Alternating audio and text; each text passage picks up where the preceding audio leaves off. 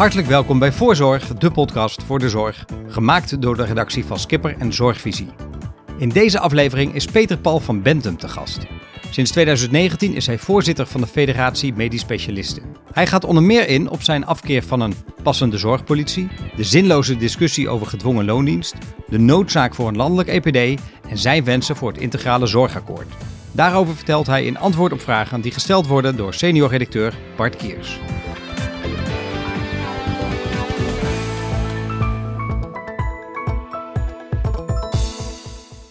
Welkom Peter Paul. Laten we eerst terugkijken op de coronacrisis. Wat zijn volgens jou de belangrijkste lessen? Ja, Bart, dank voor de uitnodiging als eerste om hier uh, bij jou in de podcast te mogen verschijnen. Ja, ik denk dat uh, als we kijken naar uh, wat er gebeurd is natuurlijk in de COVID-crisis. En god, het lijkt alweer zo lang geleden. Hè? Terwijl het pas uh, twee, drie maanden is dat we een wat rustiger vaarwater zitten. Maar daar hebben we toch wel heel erg veel leiderschap gezien, vind ik. Van medisch specialisten en andere zorgprofessionals in de ziekenhuizen. En ik, ik denk niet dat je me kwalijk neemt dat ik als voorzitter van de Federatie Medisch Specialisten. een beetje vanuit het perspectief vanuit de medisch specialist praat. En we hebben natuurlijk heel veel innovatie innovatiekracht en organisatiekracht gezien. Hè? Patiëntenstromen werden verlegd, uh, uh, IC's werden opgeschaald, cohortafdelingen werden ingericht, mensen werden geschoold. Uh, mensen gingen zich inzetten op plekken waar ze niet gewoon waren zichzelf in te zetten. je zag een enorme kracht van de intrinsieke motivatie van professionals, van dokters, van verpleegkundigen, verzorgenden en anderen. En, uh, en dat kwam met name ook omdat er heel veel vertrouwen was. Hè? Want uh, ja, het was paniek en uh, wie moet dit nu doen? En daardoor ontstond er ook een soort van natuurlijk proces waarin iedereen zei van ja, maar die dokters en die verpleegkundigen en, en anderen die weten gewoon wat ze moeten doen.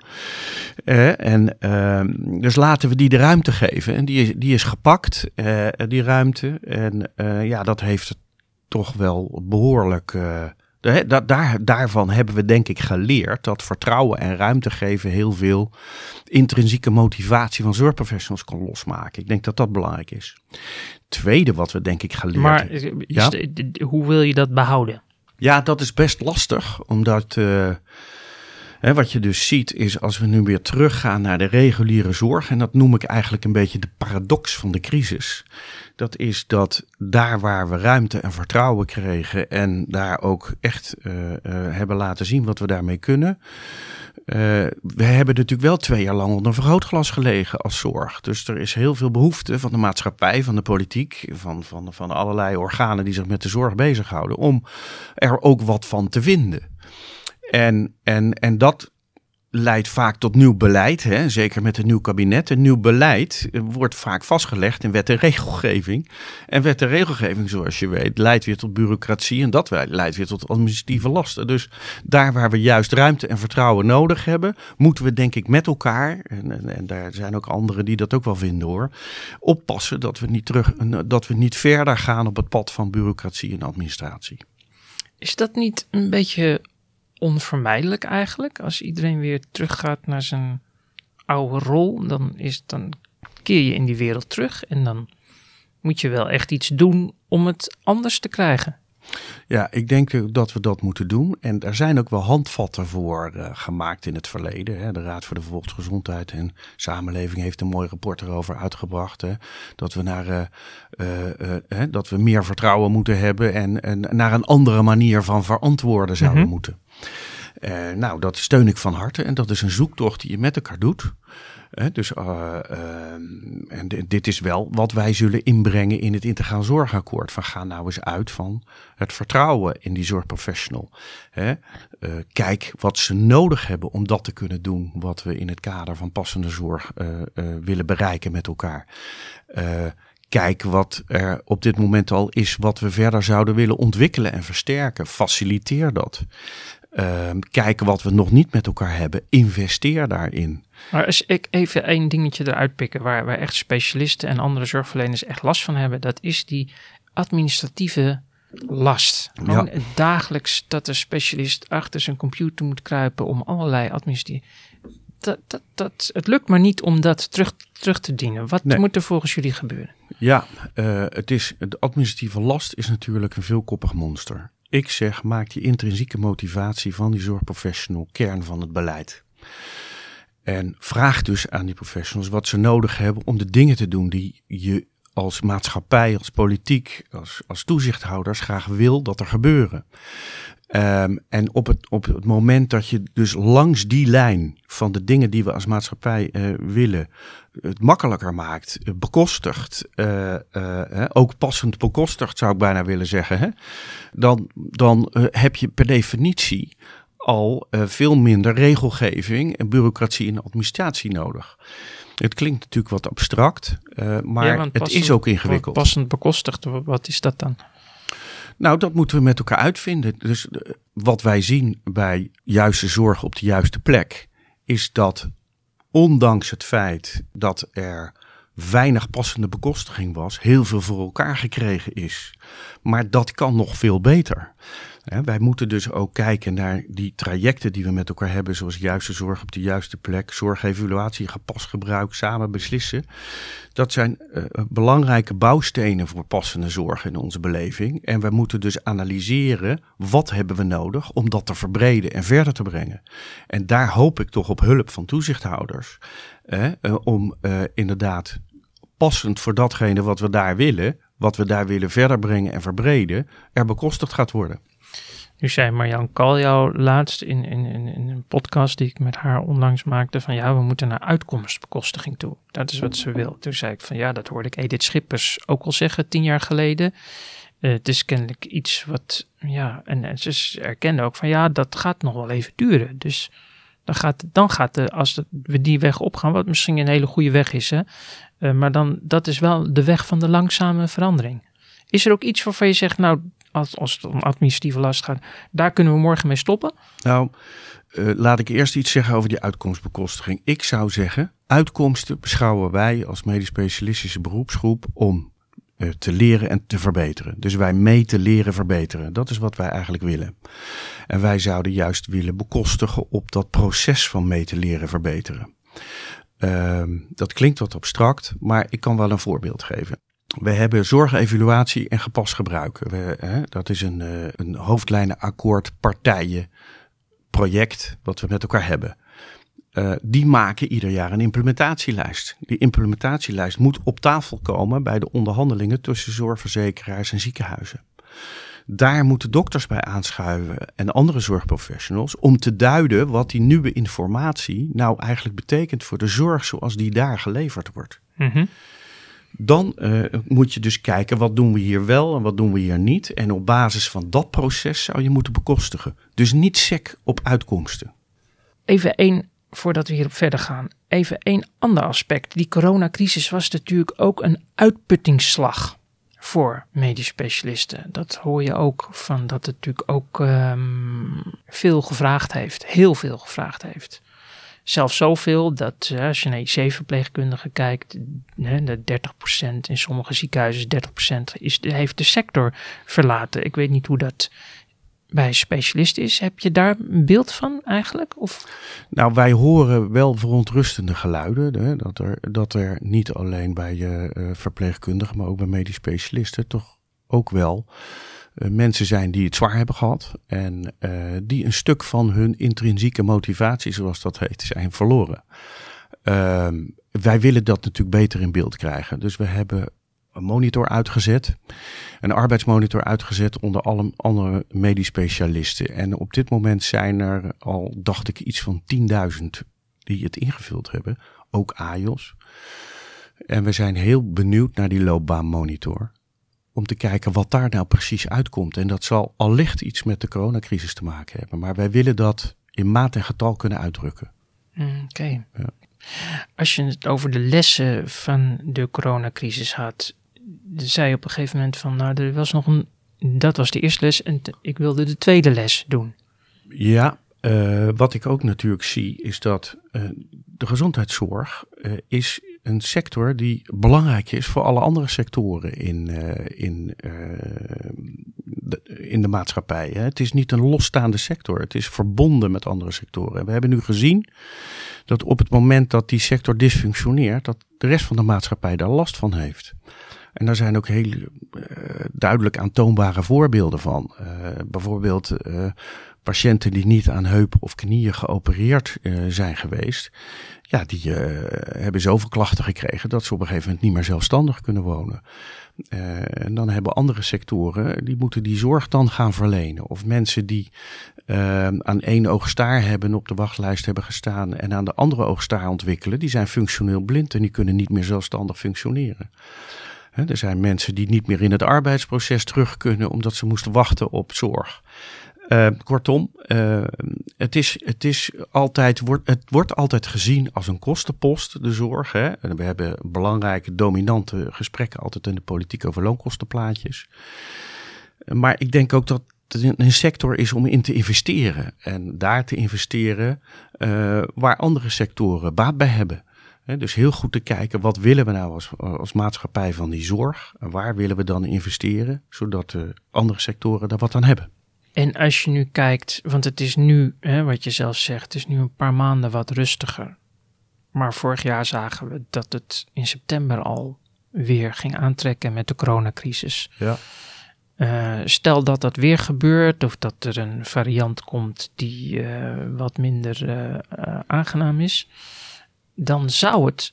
Kun jij je voorstellen dat we weer in die greep komen, zoals van, dat intensive cares vol liggen, dat we weer zo'n piek krijgen? Kun je dat voorstellen? Ja, eh, als je, eh, ik ben natuurlijk geen expert op dat gebied, maar ik spreek ze wel eens. En er zijn natuurlijk experts die zich daar zorgen over maken dat dat weer zou kunnen gebeuren. Maar met z'n allen samen met jou hopen we natuurlijk van niet. Hey, en vind je dan dat de voorbereidingen die de sector nu maakt, dat dat voldoende is om, om, om in ieder geval beter voorbereid te zijn dan de vorige keren? Nou, wat er uh, op dit moment uh, gebeurt, is dat onder leiding van de overheid er een aantal expertteams zijn samengesteld die bezig zijn met de voorbereidingen. En ik verwacht eind mei een rapport van, uh, van de groep onder leiding van Edwin Velzel. die, die kijkt naar het najaar van dit jaar. En probeert om de best practices die er zijn verzameld gedurende eerst, eerdere golven uh, te verbreden. Dus die voorbereiding die zal beginnen met alle partijen op het moment dat zijn rapport wordt uitgebracht. Oké. Okay. Ja. Uh, laten we naar passende zorg gaan. Want Marjan Kaljou zei in deze podcast, in een eerdere aflevering van, nou ja, dit, wat we zagen was natuurlijk dat een heleboel mensen niet naar het ziekenhuis kwamen. En ja, dan is er een soort stuw meer hè, van mensen die zorg moeten inhalen. Maar bij een bepaalde groep blijkt dat, dat die zorg inhalen helemaal niet nodig is. En zou het nou niet mooi zijn als je eigenlijk van tevoren kunt identificeren van, nou, dat is een patiëntengroep die eigenlijk helemaal niet naar, naar het ziekenhuis hoeft. Ja. Hè? Wat, en, en dan komt passende zorg om de hoek kijken, want passende zorg is dan dus van, uh, nou, die patiënten hoeven eigenlijk helemaal niet naar het ziekenhuis, veel minder ziekenhuiszorg. Uh, op die manier kun je natuurlijk ook ervoor zorgen dat het niet zo gauw uh, allemaal in de knel komt. Ja. Hoe kijk jij daar tegenaan, dat hele concept van nou ja, passende zorg? Ik, ik, ik denk dat het te eenvoudig is om te zeggen van god, we hebben gezien dat een heleboel mensen niet meer naar het ziekenhuis zijn gekomen tijdens de COVID-crisis. Kijk, wat zouden daar verklaringen voor kunnen zijn? Hè? Eh, het, het, is heel belangrijk om die patiëntengroep in beeld te krijgen die niet meer komt. Eén, we hebben natuurlijk een heleboel patiënten verloren. Gewoon, die, die zijn doodgegaan aan COVID. En dat waren vaak kwetsbare oudere mensen. En die kwetsbare oudere mensen, daarvan weten we dat die uh, vaak in het ziekenhuis komen. En dat ook vaak nodig hebben, natuurlijk. En uh, die hele groep is weggevallen. Eh, dat waren grote consumenten van de zorg. Het tweede wat je ziet is dat er mensen zijn die hebben eh, gezegd van nou ja, uh, ik ben doof en ik zou eigenlijk misschien wel een elektrische binnenoorprothese moeten hebben. Of ik ben nagenoeg doof, maar ik hoor nog net een beetje met mijn hoorapparaten. Nou, ik, ik wacht wel eventjes totdat het wat rustiger wordt in die ziekenhuizen. Dus die hebben zelf al gezegd, we doen het niet meer.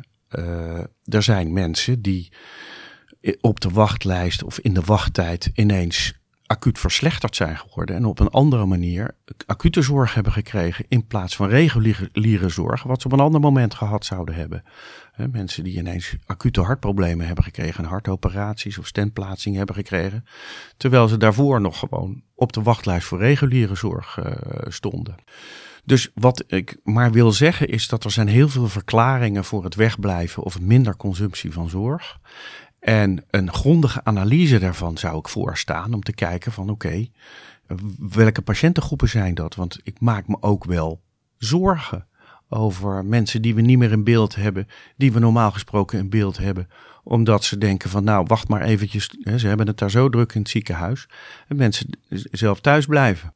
Dus er zijn verschillende redenen om uh, uh, te kijken. Maar natuurlijk moeten we ook kijken van oké, daar zijn mensen weggebleven of die hebben op een andere plek, op een andere manier zorg gekregen. Is dat niet iets wat we in de toekomst ook zouden kunnen doen? Daar Zoals de, natuurlijk... chronische zorg. Ja. Dat, dat, dat, dat kan toch eigenlijk veel groter, veel meer buiten het ziekenhuis dan nu gebeurt. Ja, dat zou kunnen. Chronische zorg uh, is zeker iets waar we over de ziekenhuisgrens heen afspraken met andere zorgverleners over zouden kunnen maken. En daar zijn natuurlijk ook mooie voorbeelden van.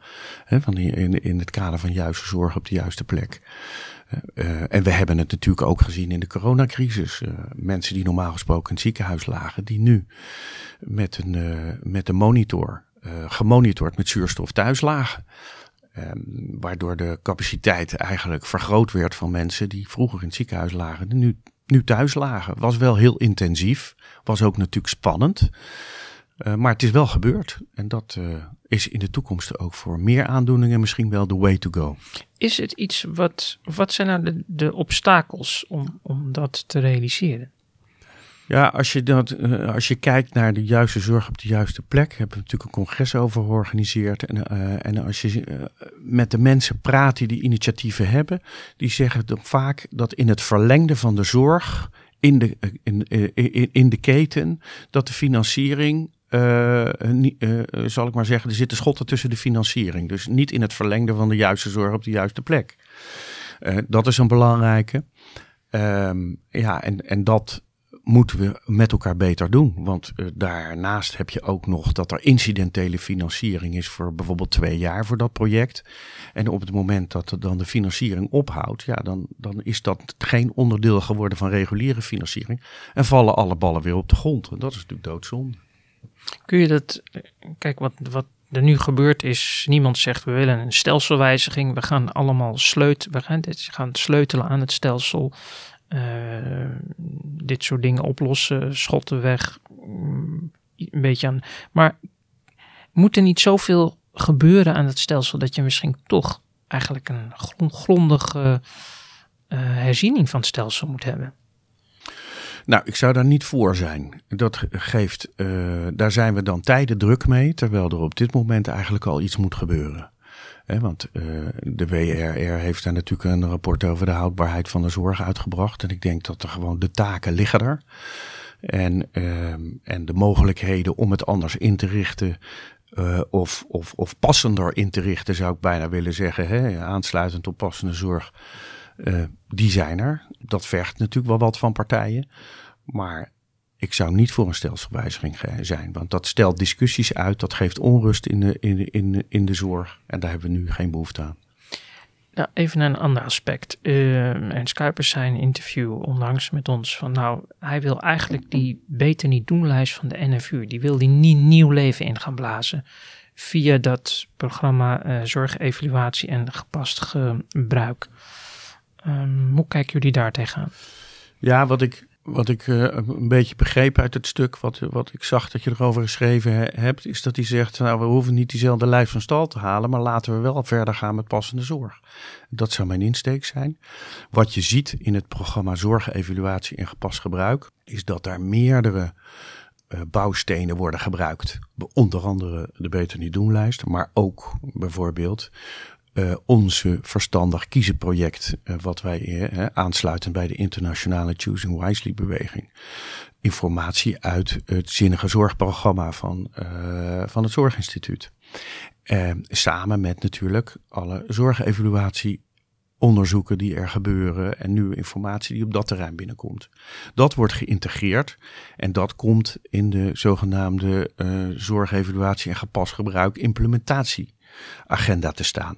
En die, en daar hebben we het net al eventjes over gehad, hè, dat moet, zeg maar zeggen, de basis zijn op basis waarvan in de ziekenhuizen, in de regio's, de nieuwe inzichten uh, ook direct op tafel komen bij de, uh, bij de uh, zorgverzekeraars en, en, en regio overleggen om te kijken van oké, hoe gaan we hier die nieuwe kennis implementeren?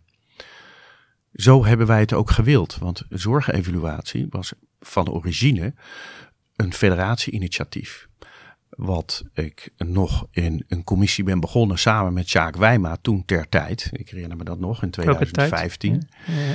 En da waarvan wij zagen dat er heel veel nieuwe kennis werd gegenereerd. Dat er samen met patiëntenverenigingen geprioriteerd werd welke zorg moeten we nou evalueren. Want we hebben maar beperkt mankracht en middelen. Uh, en dat we zagen dat voor de implementatie we ook andere partijen nodig hadden. Zoals de zorgverzekeraars, de ziekenhuizen. En toen hebben we dat voorgesteld in te brengen in het hoofdlijnakkoord. En zo is zeg ontstaan. En hoe komt het dan sneller in de spreekkamer? Nou, precies wat ik net zei. Op het moment dat je dus nieuwe informatie hebt en je maakt dat onderdeel van de afspraken tussen ziekenhuis en zorgverzekeraar, dan kun je van productie naar kwaliteit een slag maken. En dan kun je het juist over de inhoud hebben in plaats van alleen maar over geld. Nu staat er in de brief um, die jullie als reactie op het coalitieakkoord hebben geschreven, er staan wat termen waarvan ik denk van ja, wat bedoel je? Um, daar staat onder andere een formulering: er is geen behoefte aan een passende zorgpolitie. Waar zijn jullie bang voor? Nou, wat wij graag willen, kijk, uh, ik heb dat net ook al een beetje aangegeven. Als je het uh, plat slaat, dan heb je in het kader van passende zorg de doeners en de helpers. En de doeners zijn dokters, verpleegkundigen, verzorgende, paramedische beroepen. En de helpers zijn besturen van instellingen, toezichthouders, overheid. Um, en, wat, en ik be, bewust formuleer ik het zo, want ik vind dat die helpers ook echt moeten vragen aan die doeners van wat heb je nodig om datgene wat we met z'n allen willen bereiken voor elkaar te krijgen. Maar politie. En politie is, dat, zijn, dat is zeg maar zeggen iets anders dan helpers. Ja, dat Als je begrijpt wat ik bedoel. Ja, ja. Dus vandaar dat wij ook zeggen van luister, de vernieuwing wordt vormgegeven vanaf de werkvloer. De innovatiekracht zit daar. De organisatiekracht voor een deel ook. Dus help die mensen die dat doen. Maar zet er geen politie op die vertelt aan die mensen wat ze moeten doen. Het moet geregeld worden vanuit die intrinsieke motivatie van die professional. En die intrinsieke motivatie hebben we echt hard nodig. En we moeten dus ook werken en investeren aan het werkplezier van die zorgprofessionals. Nu staat er ook wat in het regeerakkoord over. Hè? In het regeerakkoord zegt, staat van uh, er moeten stappen worden gezet op het gebied van passende zorg en bestuurbaarheid. En dat wordt dan gekoppeld aan de discussie over loondienst. Als, als dat goed gaat, dan, is die, dan verdwijnt die discussie eigenlijk naar de achtergrond. Dat is wat Ernst Kuipers uh, in een interview zegt. Dat verschijnt morgen. Oh. Ja, hoe kijk jij daar tegenaan?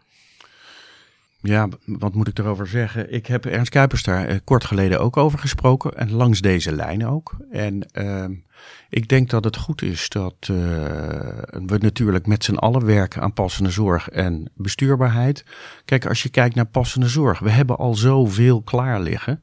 Hè? Daar is uh, gewoon daar hebben we de helpers nodig om dat pad te verbreden, wat we met elkaar al in het vorige hoofdlijnakkoord uitgehakt hebben. En kun je kort zeggen, wat verwacht je van de helpers? Nou, ik verwacht van de helpers dat ze dus zorgen dat die drempels worden weggenomen voor de implementatie van zorgevaluatie gepast gebruik, voor de implementatie van juiste zorg op de juiste plek. En voor samen met ons zorgen dat er samenhang komt tussen al die programma's en geen versnippering op het gebied van dat kwaliteitsbeleid. In welk opzicht zijn er, is er vooruitgang geboekt mm, over de bestuurbaarheid van ziekenhuizen als het gaat om de MSP's? Ja, wat ik zie in het land als ik werkbezoeken doe, dan zie ik dat uh, de MSB samen met de medische staf, samen met de Vereniging Medische Staf van Dienstverbanders, zich vaak verenigd hebben en uh, uh, een gezamenlijke inbreng organiseren bij de raden van bestuur van de ziekenhuizen in een soort shared governance model. En ik denk dat dat ook the way to go is. Uh, dat. toch is het zo, dat hoor je toch steeds. Ja, maar kijk, een MSB is toch een apart bedrijf met eigen financiële doelstellingen. En kun je niet eigenlijk zeggen dat is. Als je één kant op wil, dan kun je gewoon niet een bedrijf binnen je bedrijf hebben. wat de eigen doelstellingen op nahoudt.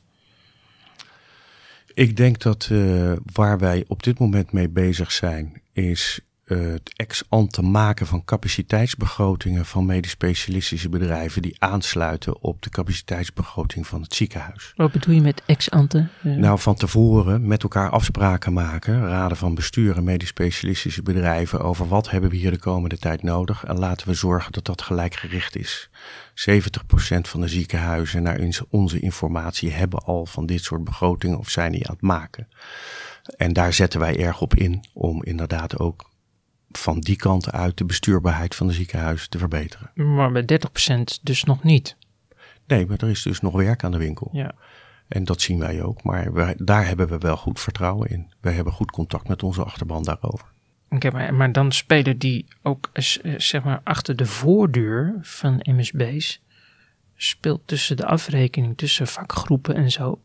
Daar spelen dan nog steeds allerlei financiële prikkels een belang? Niet meer op het moment dat je uh, het op deze manier organiseert. Dat je, dat je uh, de capaciteitsbegroting van een ziekenhuis en van een medisch specialistisch bedrijf op elkaar afstemt. Dan heb je die verdeling achter de voordeur, langs de lijn, als gewenst door het ziekenhuis. Nu wil... Als gewenst in gezamenlijkheid zou ik bijna willen zeggen. Nu zegt de Tweede Kamer, die heeft uh, vorig jaar een motie aangenomen. Een Kamermeerderheid zegt gewoon, nou, loondienst dus dat, dan denk je dat dus de uitkomst van het politieke proces is wel duidelijk. Er is gewoon een Kamermeerderheid die wil dat de specialisten in, in loondienst gaan. Ja, wij vragen ons af welk probleem dat oplost. Uh, wij denken dat het heel veel onrust geeft en juist problemen geeft. Want die 7000 medisch specialisten willen dat gewoon niet. Um, er zijn, uh, dus dus wij, wij snappen niet welk probleem ze willen oplossen. En zoals Tamara van Ark toen ter tijd ook wel eens zei in een debat in de Tweede Kamer, is het niet een doel op zich aan het worden. En dat zou verkeerd zijn? Ja, want ik denk dat je een grondige analyse moet doen waarom je iets zou moeten willen en wat je zou willen verbeteren. Uh, uh, zonder goede diagnose krijg je ook geen goede oplossing. Zou het dan niet helpen als je, hè, want er was zo'n, ik weet, er was zo'n regeling voor medisch specialisten die de overstap willen maken. Die kregen globaal een ton of zo. Zou dan niet een wat royalere regeling moeten komen? Ik weet niet of dat uh, heel erg zou helpen, een royalere uh, regeling. Kijk, het verleden heeft gewoon geleerd dat er uh, heel weinig specialisten die vrij gevestigd zijn over zouden willen stappen naar een loondienstsituatie. Uh, sterker nog, ik was uh, kort geleden in een ziekenhuis en dat is gefuseerd. En, uh, en ene deel van uh, de fusie, het fusieziekenhuis waren de specialisten in loondienst en de andere vrij gevestigd. En het medisch specialistisch bedrijf heeft toen 60 praktijken van, van het fusieziekenhuis overgenomen om om te zorgen dat die medisch specialisten ook in vrije vestiging kwamen die voorheen in loondienst waren. Dus het is, er is niet een beweging alleen maar één kant op van medisch specialisten die in loondienst willen. Er is ook een beweging van medisch specialisten die in loondienst zijn die een vrije vestiging willen. Toch is de meerderheid, als je kijkt naar de trend over de laatste jaren, dan zie je toch dat het aantal specialisten in vrije vestiging geleidelijk aan het afnemen is. Dat ja. is een constante lijn. En dat je ziet ook, je hoort ook stemmen die zeggen van ja, die feminisering van het vak, die leidt ertoe dat die vrije vestiging op termijn gewoon weggaat. Want die jonge generatie specialisten is vaak vrouw en die, die willen dat niet. Ik weet niet of dat zo is dat ze dat niet willen. Uh, dat medisch specialisten, jonge medisch specialisten dat niet zouden willen. Uh, ik, wat, ik, wat mijn ervaring is, is dat jonge specialisten zich in hun opleidingstijd met name hebben bezig gehouden met het zich helemaal verdiepen in het vak.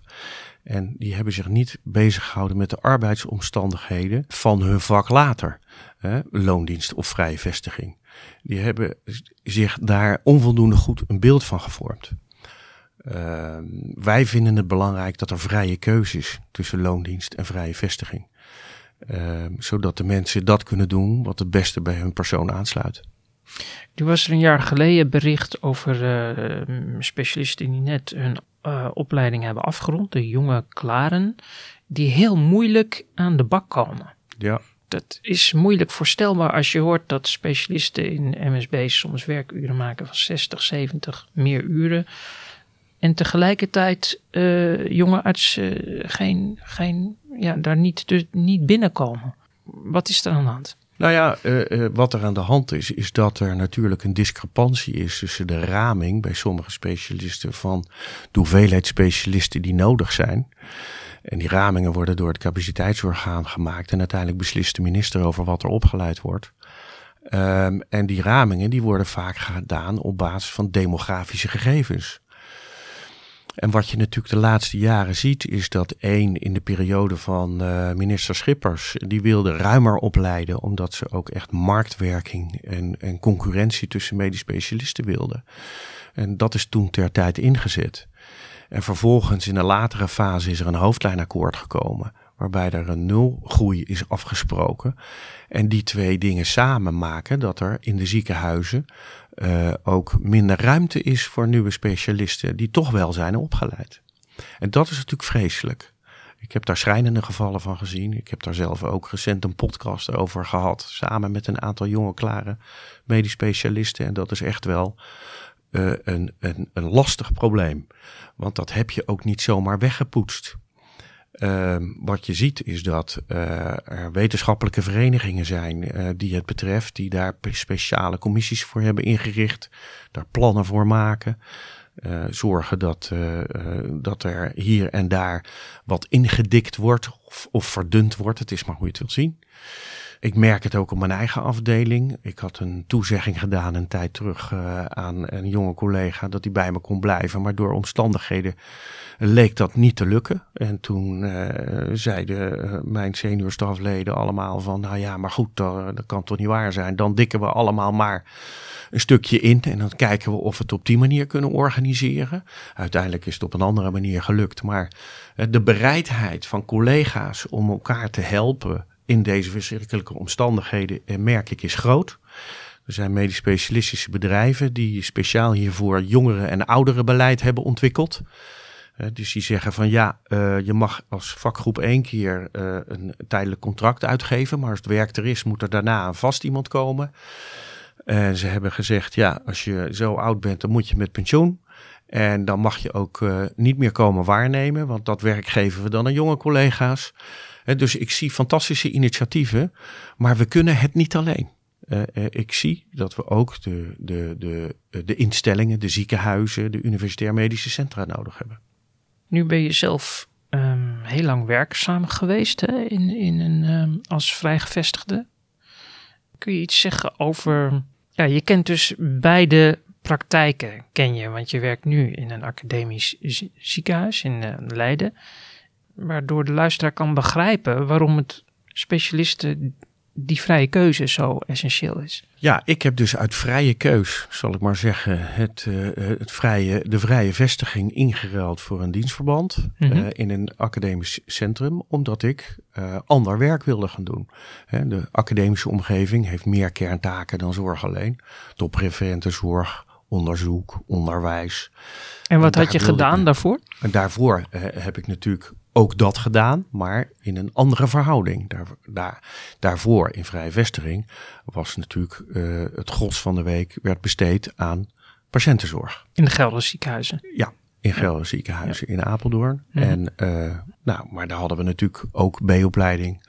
En daar deden we, deden we ook wetenschappelijk werk, want anders was ik natuurlijk nooit uh, aangenomen in een academisch centrum. Mm -hmm. als ik me daar niet op voorbereid had, zou ik maar zeggen, in mijn carrière. Maar dat is, uh, dat is dus een vrije keus uh, uh, die ik zelf gemaakt heb. Ik vind het heel belangrijk. En ik, zou, ik kijk met heel veel plezier terug op de fase dat ik vrij gevestigd was in het ziekenhuis in Apeldoorn. En heb dat met heel veel plezier gedaan. En, en, en nu zit je dus in, in loondienst. Ja. Heb je dan niet zoiets van, ja, joh, waarom doen we niet, niet overal in Nederland? Nee, uh, ik kan me voorstellen dat er mensen zijn die, uh, die het fijner vinden om in vrijvestiging te werken. Als ik in een algemeen ziekenhuis zou uh, werken, zou ik het liefst in vrijvestiging werken. Waarom? Ja, dat heeft ook met positie te maken. Van nature hebben vrijgevestigde medisch specialisten een andere positie in het ziekenhuis. Die hebben, zal ik maar zeggen, een, een, een positie die van nature vereist dat de raad van bestuur met de groep van vrijgevestigden afspraken maakt over de zorg. En ik vind die positie prettig.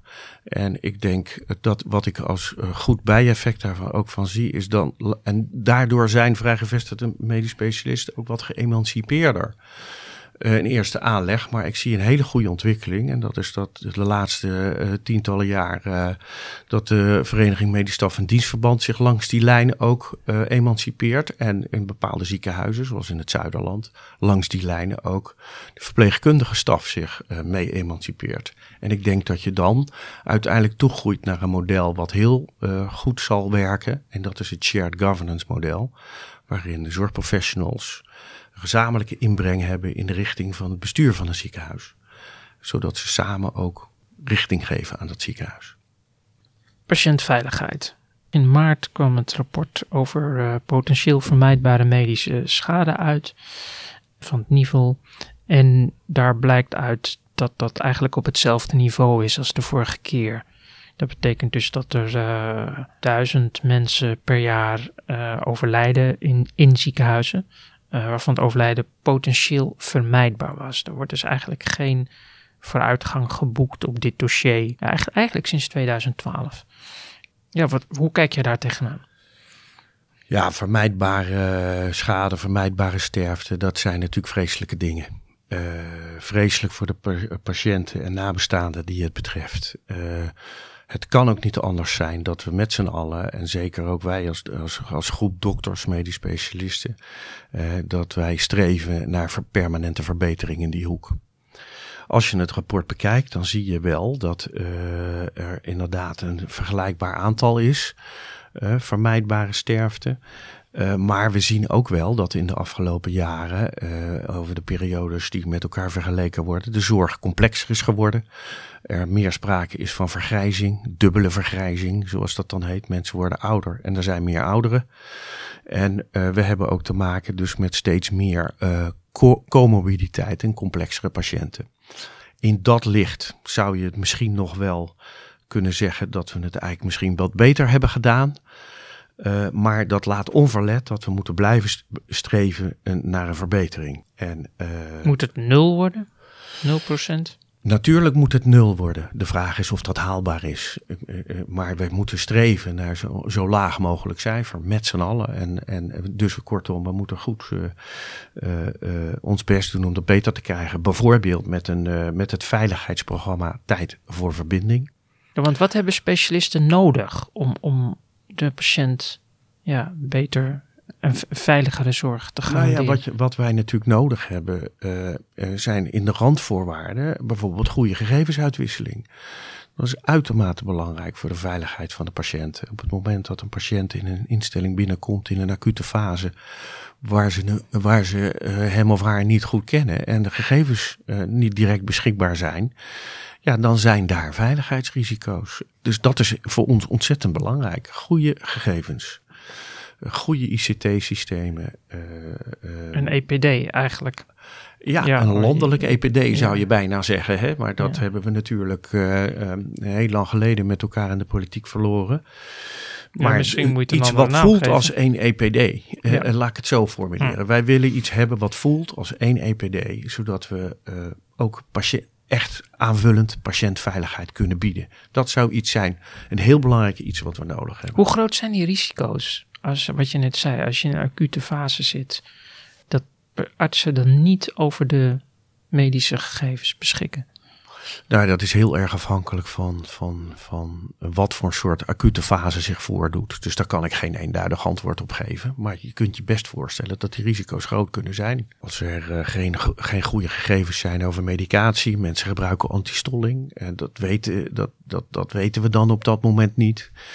Dan, uh, en we moeten bijvoorbeeld gaan opereren. Dan uh, opereren we iemand die met antistollingsmedicatie is behandeld waarvan we niet wisten.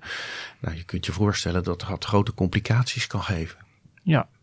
Is daar eigenlijk voor dat aspect in die hele discussie over privacy en medische gegevens. Is daar dan wel voldoende aandacht voor, zeg maar, de veiligheidsrisico's die er voor patiënten zijn als je dat niet goed regelt? Nou, wij kunnen die niet vaak genoeg onder de aandacht brengen. Dus dat doe ik hier weer. hè. Mhm. En wij zouden, zal ik maar zeggen, daar eh, ook echt een, een, een andere afweging in willen zien als dokters. Mhm. Hè, patiëntveiligheid enerzijds versus privacy anderzijds.